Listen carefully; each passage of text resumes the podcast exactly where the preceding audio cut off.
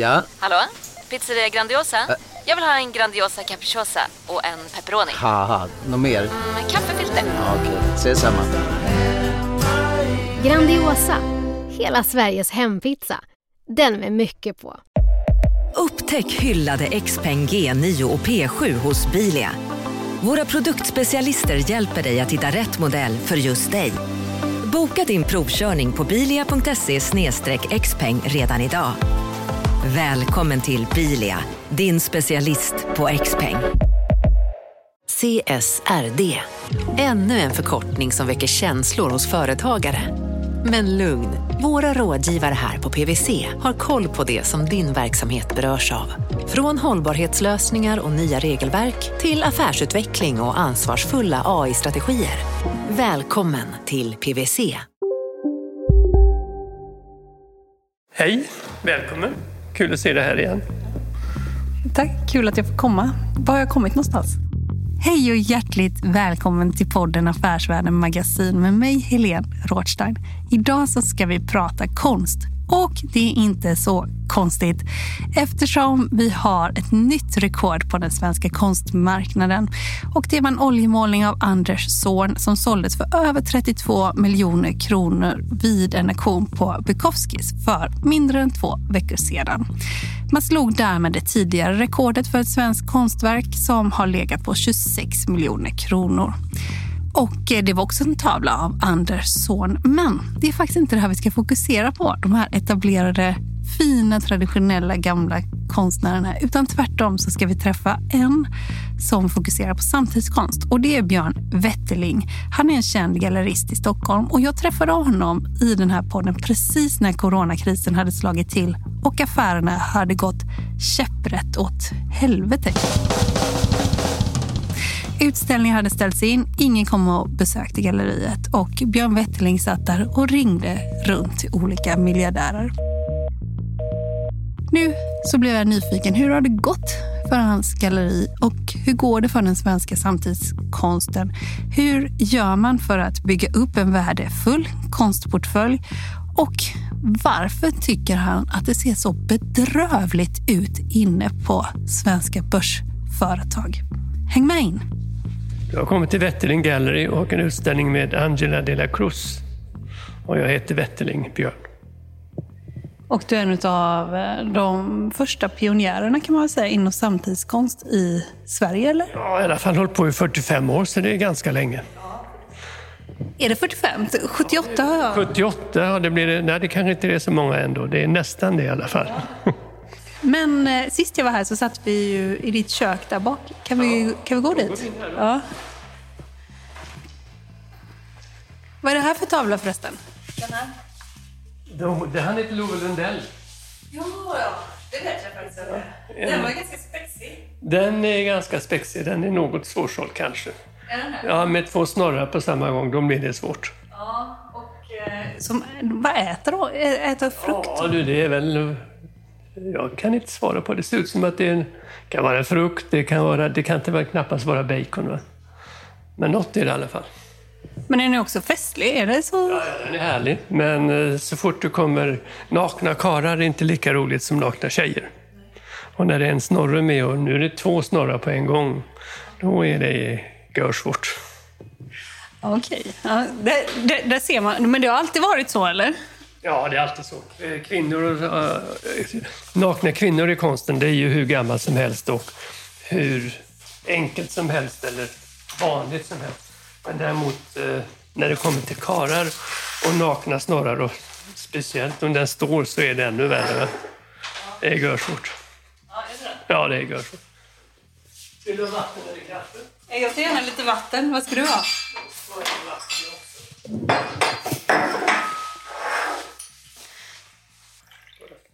En sak som jag kommer ihåg från när jag var här, det är att eh, du satt och ringde runt massa miljardärer på en lista. Hur, Det gör vi fortfarande. Ja, det gör vi fortfarande och då kommer vi så fortsätta, annars så försvinner Annars så blir det inget. Eh, miljardärer, det har ingen värde än de som inte är miljardärer, är mina kompisar. Men jag har en egentligen lista som jag då kör på hela tiden. Och eh, jag ser att det är någon som då eh, så- eh, väcker intresse, då håller jag på tills jag avslutar, oftast.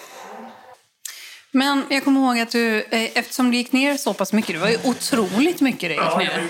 ja. Vad, sa du, från 40 till 50 till 11? Ja, ungefär. Vad gjorde du för någonting då? Under coronakrisen, för folk inte kunde komma? Att folk kom ju inte in där. Det gick inte folk. eh, var inte rörliga. Det blev tvärnit. Va? Och eh, ja, det var bara att bita i det sura äpplet. Men jag har varit med om sånt förr, så att det är inte första gången. Den här gången hade vi likviditet så det räckte. Och fick lite hjälp. Men däremot 89-90-talet, då var det ju fullständig katastrof, katastrof. För då satt ju alla i samma båt. Det gjorde man inte nu under corona för det genererades ju pengar. Börsen gick inte speciellt mycket ner utan tvärtom. Och då, när börsen är glad så är det oftast lättare, det är alltid lättare att sälja då. För då har du tillgängligt kapital. Eh, Men de här då som du satt och ringde runt, för jag uppfattar också som att du liksom eh ringde runt mer än vanligt. Ja, det gör, nej det tror jag inte. Eh, Inte? Nej, det tror jag inte. Det, det, det är nästan omöjligt. Ja. Men eh, när du ringer, då måste ju ändå vara vana vid försäljare, de här som är liksom... Eh, hur, hur övertalar man någon som ändå håller på med affärer att eh, här finns en tavla som passar just dig? Vad har du för säljtrick? Ja du, det kan jag inte berätta så tydligt. Ja, det, vad ska jag säga? Jag ringer inte bara för att eh, sälja hela tiden. Jag ringer också bara för att fråga hur du mår. Va? Och är det någon som då, vad fan ringer du nu? Igen och ska sälja? Nej, jag frågar, frågar hur du mår och hur är vädret i, där och där. Och då tappar de nästan alltid hakan och då blir det mycket lättare. Då sänker de garden och då vet jag hur man slår till då. En annan sak som vi pratade om när jag var här senast, det var att under kriser så sa du att man går tillbaka till det man känner till. Och så sa du, det är det som händer när kriser slår till. Håller du fast vid det fortfarande? Absolut, det, absolut, det har man ju sett nu de senaste året har ju Buckan slagit rekord. Va? Och eh, nu i höst har det väl varit gått ofantligt bra för dem. Och det är egentligen sorgligt tycker jag. Därför att vi lever du och jag just nu i vår tid och det är ju vi som ska skapa nästa generations mästare. Men då går de lika förbannat till våra kära auktionshus, då, kära inom parentes. Och vi har ju då eh, även lämnat in printar av Natalia Edemont som vi tar 16 500 kronor för. Och då har, vi, har den sålts för över 50 000 på Buckan. Och då undrar man ju egentligen, hur står det till? Att, eh, det är ju bara att ett telefonsamtal eller gå på vår hemsida och titta på eh, liknande verk. Någonstans kanske man, du skulle också kunna lära dig något utav Eller vad, hur, hur tänker du själv att det har blivit så? Ja, det är det jag tänker på hela tiden. Hur bär jag mig åt för att kunna matcha dem på ett eller annat sätt? Men jag har inte hittat den lösningen än. Så kan du hjälpa mig så är det jättebra. Eller någon annan som hör det här så säg, ring mig omgående så ska jag gärna ge ett gott pris på en tavla så om du kan hjälpa mig att lösa den nyckeln.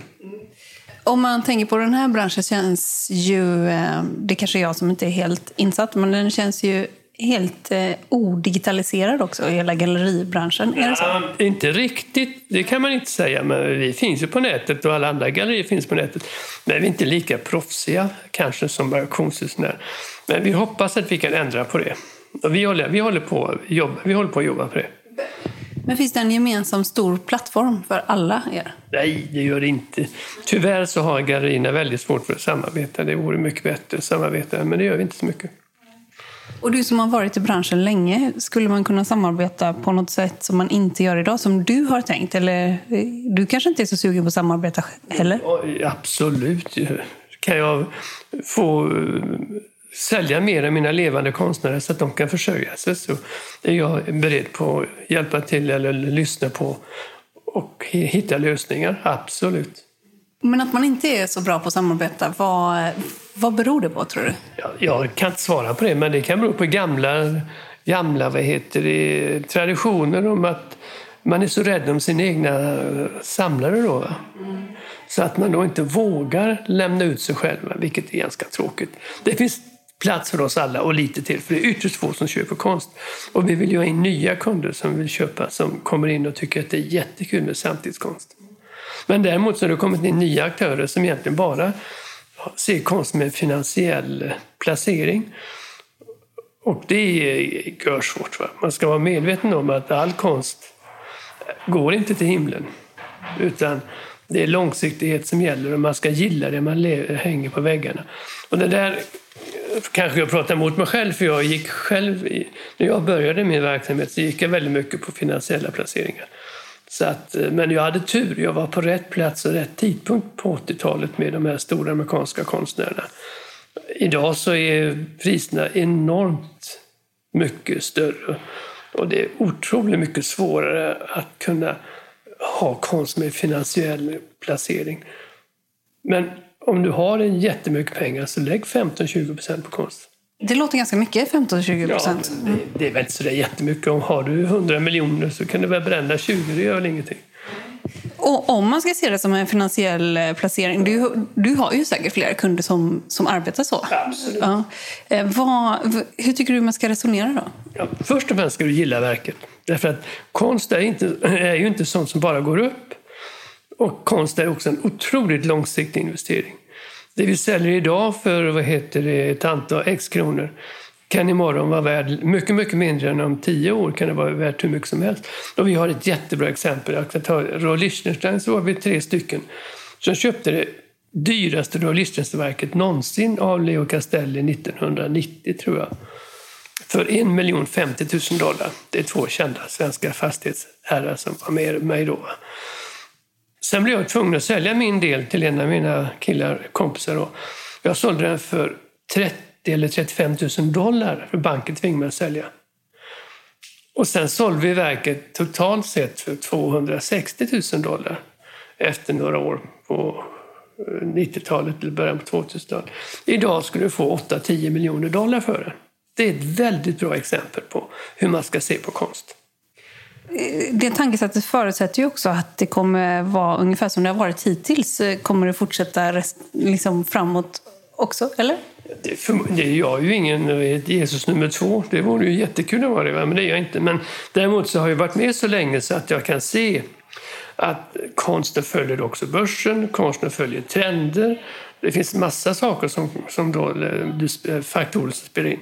Men jag som gallerist kan inte säga så här till min konstnär, nej nu är du ute, nu skiter vi i dig i fem år. Men kom du tillbaka om fem år så är du inne, då kör vi dig igen. Utan vi har ett långsiktigt förhållande med alla våra konstnärer. Och vi är med dem i vått och torrt. Ibland så jobbar, eh, slutar vi samarbeta men det är ytterst sällan så vi hoppar av konstnärer eller de hoppar av oss. Hur ser du, nu sa du att nu var priserna ganska höga. Eller? Många verkar det ju jättehögt ja. du ser på auktionsmarknaden. Auktionsmarknaden är ju det som styr oss mer eller mindre. Va? Och det kan vi aldrig komma ifrån, men vi, vi sätter ju inte priserna efter auktionsmarknaden. Vi försöker sätta dem på ett rimligt sätt. Hur avgör du, vad, när du ska, nu har du varit i den här branschen så länge, men hur avgör du vad, hur, vad du ska sätta för pris? Eftersom du också är ganska nya konstnärer, eller inte helt nya, många har varit verksamma nu i 20 ja, år kanske. men är det väldigt unga konstnärer, det är ju ett samarbete mellan mig och konstnärer. Ibland är det ju så här. Och så känner man efter i luften vad man tror man kan få ut. Det är, inte, det är ingen vetenskaplig vad heter det, verksamhet vi håller på med. Vi håller på med känslor, vi håller på med så mycket annat. Du behöver ju inte köpa en tavla eller ett konstverk. Vi tycker naturligtvis det är jättekul om du gör så, men det är ju inte det nödvändigaste du måste ha varje dag. Och om vi då ska fortsätta med de här eh, finansiella, om man ska se det som en finansiell investering. Eh, du säger, för det första ska man gilla verket. Absolut. Finns det något för det andra? För det andra ska du köpa riktigt kända konstnärer du ska bara gå på, vad heter det, tjäna pengar. Ja. Köper du unga konstnärer så är det precis som att köpa ett venture capital-bolag. Det är ingen skillnad. Man, man, man, vet inte vad man får. De mesta är, ja, du vet ju att du får ett bra konstverk. Men det mesta av alla unga konstnärer blir pannkaka. Men då har du ett bra verk på väggen. Och det har inte kostat dig jättemycket, förhoppningsvis. Mm. Mm. Eh, du säger att de mesta unga konstnärer, det blir pannkaka. Hur... Eh... Ja, det, det, är för att det är så många, eller? Hur, ja, hur kommer det sig? Ja, men det finns ju hur många konstnärer som helst. Det finns ganska få gallerier, men det finns hur många konstnärer som helst. Och sen är konst ofta trend. Sen konstnären ska då leva med att kunna vara uppgång och nedgång och många klarar inte det.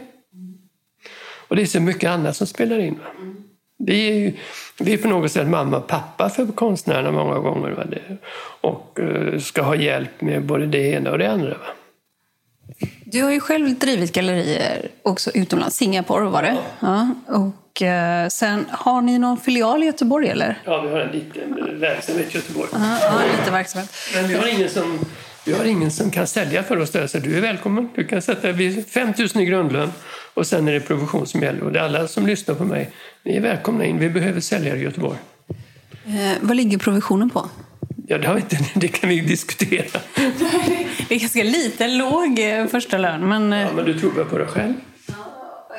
Vad, vad finns det för verk? Att, eh, vad, vad, vad, börjar man med i så fall?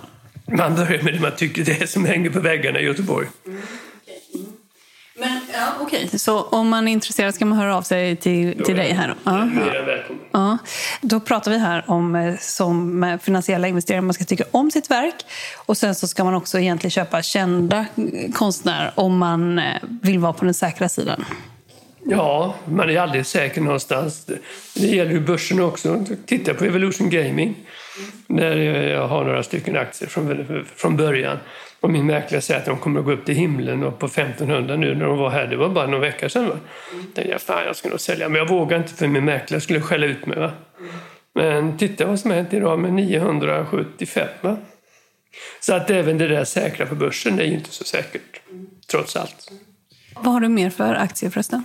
Ingen svärmorsportfölj. Jag har sånt, bara aktier som är högriskaktier, mer eller mindre. Kan du säga någon mer? Ja, Optifreeze, Opticept heter de nu. Ja. Och sen är jag ordförande i ett börsnoterat företag också. Det heter uh, Intelligo. Va, vad gör de? De uh, håller på med UV-strålar. Men jag ramlade in på det av misstag. Men ja, så att jag hade, min dröm var att bli börsnoterad vd före 30 års ålder, men nu i alla fall eh, jag är i alla fall ordförande i ett börsnoterat företag så det blir ju ganska bra till slut. Mm. Men du vet jag, din bakgrund där på Handels, eh, och så undervisade du på Handels också i flera, i, i flera år. Och så var du börsmäklare ett tag. Ja. Är, är det något du kan sakna med det livet? Nej. Nej, det, det, det, det, kan, det kan vara roligt. Och jag tycker det är roligt att studera vad heter det, börsen och vara med och späcka i den. Va? Men annars är det ju bara pengar. Pengar är ju också en illusion. För alla de människor som har hemskt mycket pengar så spelar ju ingen, pengarna ingen roll för dem egentligen. Men de som inte har några pengar har ju alltid en dröm, en illusion om tänk om jag hade det och det och det och det. Då kan jag göra det och det. Och plötsligt så är det ett antal som jag känner som har blivit otroligt förmögna. Sen då? Vad fan gör du med, vad gör du med en miljard kronor? Icke förty så tycker de är hemskt roligt att pruta ner mig. Va? Kan du bli provocerad ibland när du träffar väldigt rika människor där du vet att det här spelar ingen roll liksom, för dig egentligen? Nej, jag, jag är så van vid det. Så jag tänkte, fan kan du inte unna mig och konstnären de pengarna? Mm. Men jag är så van vid det så att det är ju ett spel. Jag är ju glad att jag får sälja också. Så att jag gillar alla mina kompisar eller de som köper av mig. Oavsett om de har prutat sönder mig eller inte. Det är ju ett spel för dem och det är ett spel för mig. Mm. Du eh, var precis i New York vet jag. Ja, New York och Los Angeles. Jag kom hem i går morse därför jag är jätte, jätteläggad. Va, va, hur skulle du säga att coronakrisen har slagit mot de nya konstnärerna i eh, jag vet inte, är USA för stort att säga, men där du var då, New York och Los Angeles? Ja, det är så svårt att säga överhuvudtaget, men i, i alla former av kriser så är det alltid mycket svårare att sälja det unga och det samtida. Då vill man gärna Marknaden sponsras av SPP, pensionsbolaget. Eh, förra gången pratade vi lite om ITP. Och som en kort repetition så, så var det ju 70-tal, arbetsmarknadens parter bestämde att alla tjänstemän ska ha en tjänstepension. Man kom överens om vilka villkor som ska gälla i den här pensionen och så kallade man den för ITP. Så jobbar man idag som tjänsteman i ett företag med kollektivavtal, då har man förmodligen den här pensionen, ITP-pensionen. Eh, och det är ju så att man kan påverka eh, den här pensionen, hur den är placerad. Vart femte år så gör nämligen Collectum, som de heter, en enorm upphandling där olika pensionsbolag kan ansöka om att få förvalta eh, de här pensionerna. Och SPP är ett av bolagen som valdes ut i den senaste upphandlingen. Och sen kan du som pensionssparare välja eh, vilket av de här olika pensionsbolagen som, som då ska få ta hand om dina pengar. Och tanken med den här upphandlingen det är ju att liksom kvalitetssäkra de här olika alternativen eh, men också att förhandla fram stora rabatter så att pensionsspararna ska få, ja, kunna spara pengar genom att avgifterna eh, som är så viktiga eh, blir eh, lägre. Och vill man välja någonting i ITP-systemet då finns det en relativt ny sajt som heter avtalat.se. Ehm, där kan man gå in och se hur sin ITP-pension är placerad. Jag gjorde det häromdagen faktiskt. Ehm, idén är att hälften av pengarna alltid ligger i något som kallas för traditionell försäkring. Det här gjorde vi ett avsnitt om i podden Kapitalet nyligen eh, som vi kallade världens bästa sparform. kan man lyssna på om man är intresserad. Eh, den andra halvan eh, den kan man också lägga i en traditionell försäkring eller så kan man placera det i något som kallas för fondförsäkring.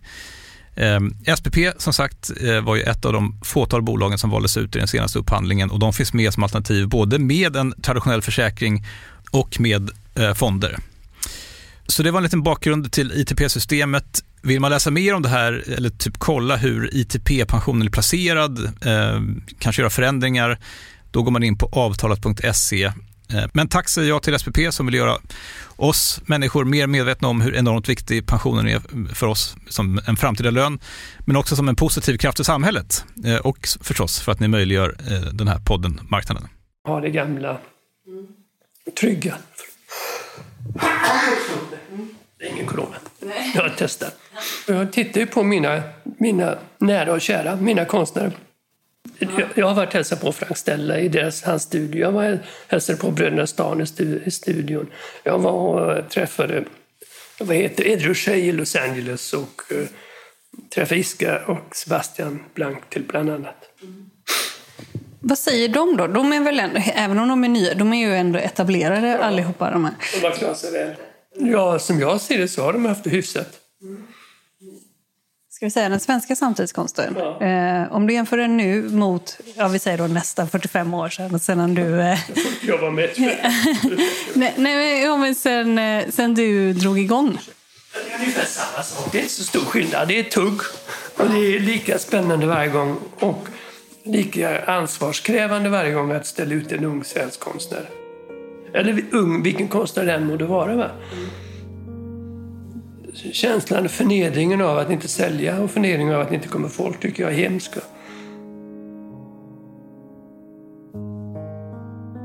Vad säger du då om man är konstnär, man är ung och man är ganska bräcklig antagligen då om man ställer ut? Ja, ja. Kan du inte berätta lite om hur man jobbar med det? Det, det är ett ansvar ja, för dig. Vi har ju då, eh, Lo och Johanna jobbar ju då väldigt nära våra konstnärer. Och så jag ringer och frågar hur de mår och hur det känns och allt möjligt. Och ibland så blir det kris och panik och då får man hjälpa till. Ja, det kan vara att de, att de inte har självförtroende och tycker inte de kommer någon vart. Det kan vara att de inte har pengar. Och har vi pengar då så hjälper vi till. Absolut. Jag har säkert lånat ut flera miljoner som vi aldrig får tillbaka. Men det gör jag med glädje. Men om man ska vara lite hård då? Och ifall man är konst... Alltså man kan ju ha otur med timing kan jag tänka det mig. Det kan man nog säga. Ja. Men eh, om man också ska vara lite hård, eh, om man inte säljer, då kanske man också ska göra något annat, eller? Nej? Det har jag aldrig sagt till någon konstnär. Nej, nu får du skärpa dig, nu får du göra något annat istället. Det här funkar inte. Så enkelt är det inte. Och alla de konstnärer som vi jobbar med, som vi tar upp, tycker ju vi är jätteduktiga. Och vi, ibland så går det käpprakt åt helvete. Och sådana som krisar ihop och då hoppas att vi kan vara till stöd för dem och hjälpa upp dem igen. Och finns det då något, om man då, för jag vet ju man arbetar ju väldigt länge med en utställning. Ja. liksom att det, det, är ju som en show kan man ju säga. Absolut, ja. det är som en Broadway-show. Ja, eh, ja, och ibland så är det fiasko. Ja. Och det har man på Broadway, det har vi med oss också. Och sen kan det vara då att när det är riktigt dåliga tider kan det vara jättesvårt att sälja. Och då får man väl låta bli det, sätta det i lagret och så säljer vi sen förhoppningsvis. Mm. Här ute har vi ju en fantastisk utställning nu som vi stänger på söndag. Angela de la Cruz som inte har sålt så mycket som jag vill. Från Spanien? Hon är spanjorska och mm. bor i England. Som i, i, i somras blev nominerad till den bästa kvinnliga konstnären på Royal Academy sommarshow till exempel. Mm. Och alla här i galleriet tycker det är fantastiskt. Och det är lite udda naturligtvis. Men eh, det är top of the edge och det är den bästa utställningen Stockholm har eller har haft just nu. Och sen, så ska, sen efter det så är det en grupputställning har jag förstått. Och då är det ett gäng svenska konstnärer. Då är det ett gäng svenska konstnärer. Det är uh, Ylva Seder, det är Love Lundell, det är väl Dina Isius Berlin och det är Anna Kamner och Anna... Oh, vad heter hon nu då? Våra senaste tillskott. Ja, oh, det kommer strax. Är alla konstnärer alltid knutna till ett visst eh, galleri eller kan man också liksom göra slut och sådär? Ja, det är klart man kan göra slut. Det gör man ju både med män och kvinnor och för Annas moster. Och det gör, det gör med, händer med konstnärer också, absolut. Men det ska man, jag säger till alla mina konstnärer, om du gör slut med mig så till att du har ett annat galleri innan du gör slut. Man ska aldrig lämna ett galleri utan att ha ett galleri. För då blir man också så sårbar. Ja, man blir oerhört sårbar. Sen kanske de tycker, vad fan, har, har man lämnat det galleriet, vad är det nu som inte stämmer? Så det ska man passa sig för. Och då, hur mycket får ni? Om ni säljer... 50-50. 50-50? Ja, ungefär. Ja, är det... Ni får också ganska mycket, eller tycker du ni får för lite? Nej, jag tycker det är väldigt fair. Vi står för alla kostnader, allting. Ifrån studion och så står vi och gör vi en katalog. Vi försöker få utomlands. Så nej, jag tycker det är fair. Ja, vi tycker inte vi får för lite heller. Nej, jag tycker det är helt okej. Är det standard i branschen? Det är standard i branschen, ja. Absolut. Men däremot när det gäller amerikanska eller riktigt etablerade konstnärer, då får vi mycket mindre. Va? kan vi få ända ner till 10 procent om det gäller någon av de riktiga storslagna konstnärerna. Men då säljer de också för större belopp? Ja, alldeles rätt. Eh, vad är det största beloppet som ni har fått in här någon gång för ett enskilt verk? Ja du, vad jag tror. Det är några... Eh, brutto är det väl två miljoner dollar eller något sånt där. Tre, jag kommer inte ihåg. Och finns det något eh, där du du säger att en del av prissättningen, ja men det är mellan tummen och pekfingret. Sen om någon är etablerad kan man ju se ungefär, då är det ja, lättare att förstå. Ja. Men vad är den största liksom, felprissättningen du har gjort neråt? Har du någon sån? Nej, inte just då, men efteråt så kan vi... Ja, jag menar det. Ja, efteråt kan vi se att det gick käpprätt åt helvete för vissa konstnärer. Och det är en av dem, jag ska inte säga namn för då kanske jag får in varenda en där, som köpte. Eh, och som vi sålde ända upp till 150 000 dollar och det är inte värt något idag. Och eh, har du fått eh, negativ feedback då från köparen? Det är klart, det är klart de blir arga. Vad ska jag? Men å andra sidan så är det ju så här, köper du aktier på börsen så kan du inte gå till mäklaren och skjuta honom heller. Men det är mycket känsligare med konsten. Det är mycket, mycket känsligare. Jag har träffat några som, sedan jag var här, ja. så ibland när man har träffat, eh, hur ska jag säga, för jag vill inte röja någon här för mycket, men eh, företrädare för något bolag eller stora ägare i svenskt näringsliv som är konstsamlare. Ja. Många vill ju vara väldigt eh, diskreta med det. Ja. Ehm, och det handlar väl om säkerhet eller, eller, eller handlar... Det, handlar om, det, det är väldigt olika. Eh, det finns ju väldigt fina, bra, fantastiska familjer som köper konst som är hyfsat offentliga med det. Vi kan inte röja dem, utan det får de själva tala om i så fall. Men eh, det är ju också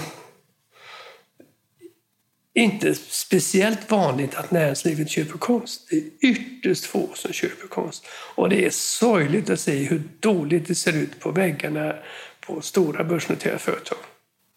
Skäms de borde skämmas när de tittar på väggarna. De ska, de ska vara med i sin samtid. Och det, sen kan det bero på att man inte får dra av det, men det spelar inte så stor roll. Men, men ofta, för det är ett väldigt stort eh, företag, de ska jobba med inredning, så här, då jobbar man ju med proffs helt enkelt. Som... Proffs, det, ja, när det gäller inredning så är det ju man tänker inte på väggarna, man tänker på allt annat som kan kosta hur mycket som helst. Och så kommer det till väggarna så kommer en taskig affisch där istället. Nej, skärp er i näringslivet.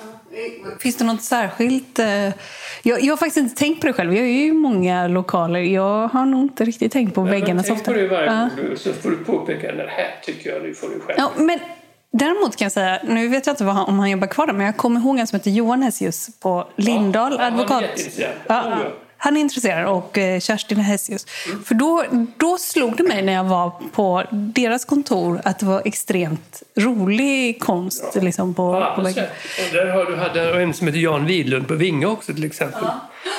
Och du har väl också då på vad är det, Cederqvist har väl också en samling? Va? Ja. Men det handlar också om det är ett fåtal, tänk efter hur många revisorer det finns och advokatkontor det finns. Det är jäkligt få som ja. är duktiga. Ja, och det säger också något att jag kommer ihåg det. Ja, det gläder mig. Ja. Kommer du på något bolag som bara, herregud vad har de här egentligen som du kan... Det vill jag, inte. Jag, jag tänker inte lämna ut dem då. De blir en gösura på mig. Nej, men, men de har väl... så kan du själva rannsaka. Titta, vad har jag på väggarna? Kom och hjälp mig att dö. Du, det, svenskt näringsliv behöver, vi behöver er. Och alla våra unga konstnärer behöver er. Och det kostar en spottstyr om ni satsar några hundratusen, någon miljon eller inte. Tyvärr så är det så att svenska skattelagstiftningen är ju emot samtidskonst. Eller mot konst överhuvudtaget. Man får inte dra av det. Eh, dra av det. Och eh, om jag skulle få välja så skulle man sänka momsen till 6% som på böcker. Och så skulle man införa avdragsgillhet på samtidskonst, det som köps från gallerier eller konstnärer direkt. Um, vad ligger momsen på nu? 25 och 12 procent för konstnären och 25 procent för oss. Och, eh, och hur är det för bokhandlar? 6 procent. För, bokhandlarna också? Ja, jag tror att det är 6 procent. Ja. Mm. Är det en fråga som du har drivit? Då, det liksom? har vi drivit, men det har inte blivit något. Så jag, mm. jag drev det när jag var ordförande i vad heter det, Galleriförbundet. Men det fick jag. Det var njuggigt. Det var Moderaterna som bestämde då. Mm. Men jag kom inte ens fram till Borg. De släppte inte igenom mig. Men, men, men det kanske ligger något i det? Att, eh, liksom... Det ligger i absolut. Ja. För företag vill alltid dra av. Ja. Det är mycket bekvämare då. Och det, och det där vet du, för du är faktiskt också, du har ju en revisorbakgrund ja, lite. jag kan ju det här. Jag har faktiskt varit lärare på handelsredovisning och koncernredovisning så jag vet vad jag pratar om. Det hade varit mycket bättre. Men, men många börsbolag tycker jag också om man går in, då har de ju själva produkterna kanske om man, eh, om man är på Atlas Copco så har de liksom lite borrar och sen så har de tavlor på de som har jobbat där innan. Ja, förskräckligt att se gamla gubbar i guldram, tycker jag. Usch. Utan sätt någonting ordentligt på väggen. Ja. Men till exempel den här som vi såg här ute med två nakna män och sådär. Det är liksom, vissa saker är alldeles för vågade när det är samtidskonst, ja, eller? Det är ytterst få som är, det är ytterst få. Det vore väl kul om du kom in på på Handelsbanken och såg den här snorren här. Det vore väl jättekul. Då får, då får du ju någonting att prata om. Och den är ju ganska oförarglig trots allt. Va? Ja. Men en naken karl som hänger och slänger, det har aldrig varit bra. Nej.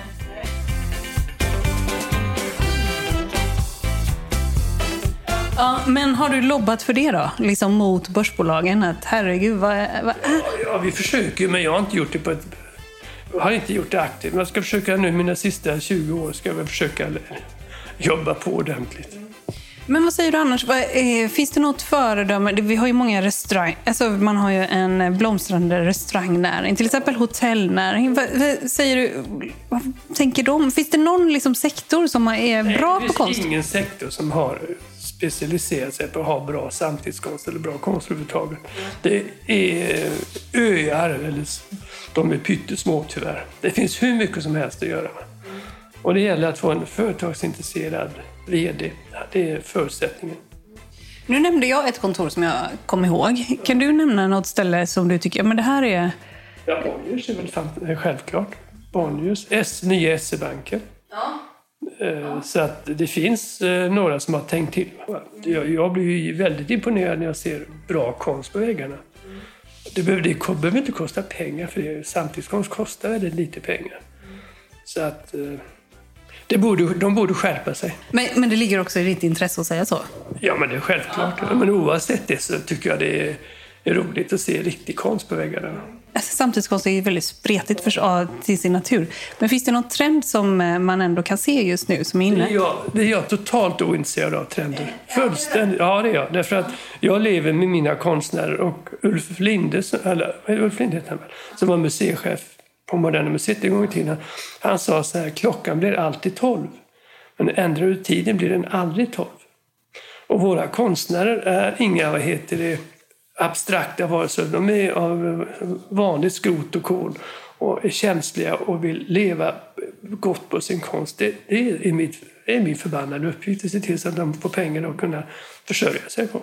Hur ser konkurrensen ut för er gallerister i stan till exempel? Eller vilka, har, vilka konkurrerar du med? Vi har inga konkurrenter, vi har bara kollegor. Och däremot de som vi då konkurrerar om det är ju de stora auktionshusen. Bucka? Bucka bland annat och Auktionsverket och Uppsala nu. Va?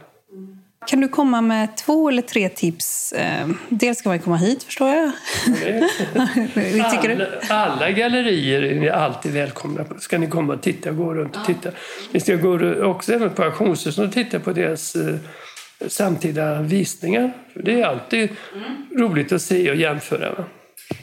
Det är väldigt kul också, för vet, det säger också någonting om vad folk har haft också hemma hos sig? Eller det, det är något, och det, det, det är ju brokigt också ofta. Det är extremt brokigt. Men jag brukar också tänka så här, men du köper ju inte begagnade kläder så där jätteofta.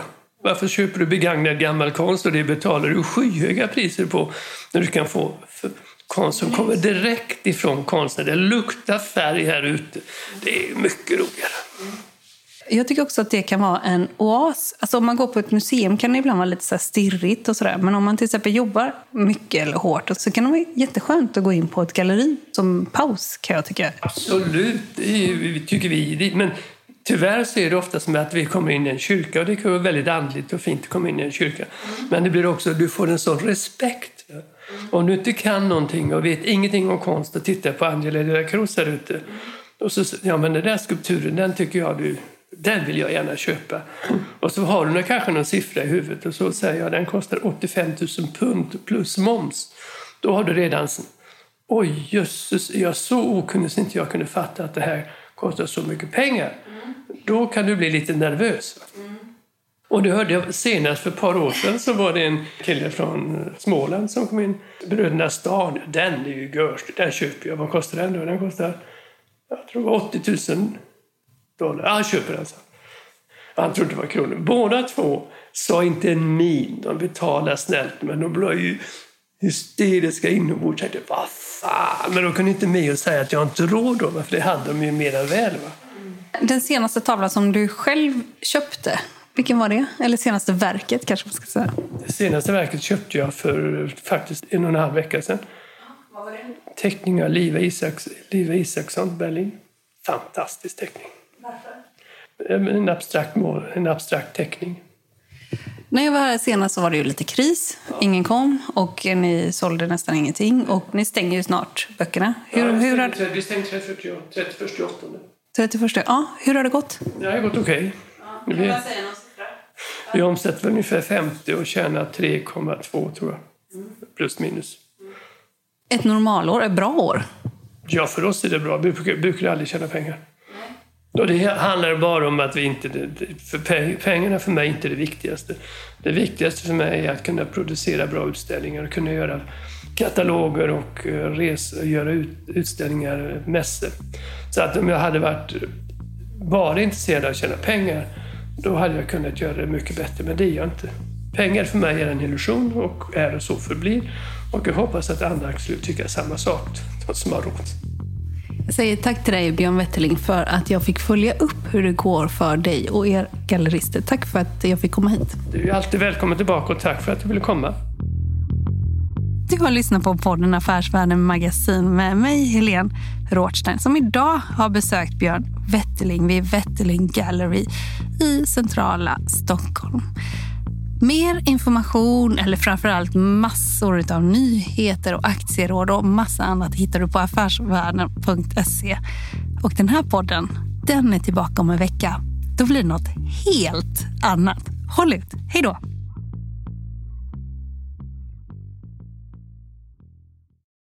Eh, marknaden sponsras av Karla. Eh, vi pratar ju en hel del om bilar här på kontoret. Eh, karla har ju skapat, skulle jag säga, det som är standarden för hur man idag köper och säljer bilar på nätet. Kort bakgrund bara. Karla säljer och leasar begagnade elbilar och laddhybrider på karla.se. Alltså en helt digital upplevelse. Och man har gjort det här med ett nästan maniskt fokus på vad en bilköpare faktiskt behöver. Jag gjorde ju en intervju med en av grundarna, Patrik Illerstig, i marknaden här eh, ganska nyligen, eh, daterad 25 mars, om man vill lyssna på den. Eh, men där berättar han hur de kom in i det här lite från vänster för att försöka uppfinna hela den här liksom bilköpupplevelsen från början. Och de har idag, vilket är rätt otroligt, 4,8 i betyg eh, på Trustpilot. Jag, jag har sett många företagssidor på Trustpilot, men det här är nog bland eh, det bästa jag någonsin sett eh, faktiskt. Man kan sälja bilen till Karla också. Eh, då går man in på karla.se, delar lite info om bilen, sen får man en gratis värdering och ett bud. De hämtar bilen helt gratis i hela Sverige och så har man pengarna på kontot i samma stund som de hämtar bilen. Det är grymt. Eh, så ska du köpa en ny bil eller sälja din gamla, eller båda delar för den delen, gå in på karla.se och eh, kolla. Alltså karla.se och Karla stavas med C. Tack så mycket till Karla.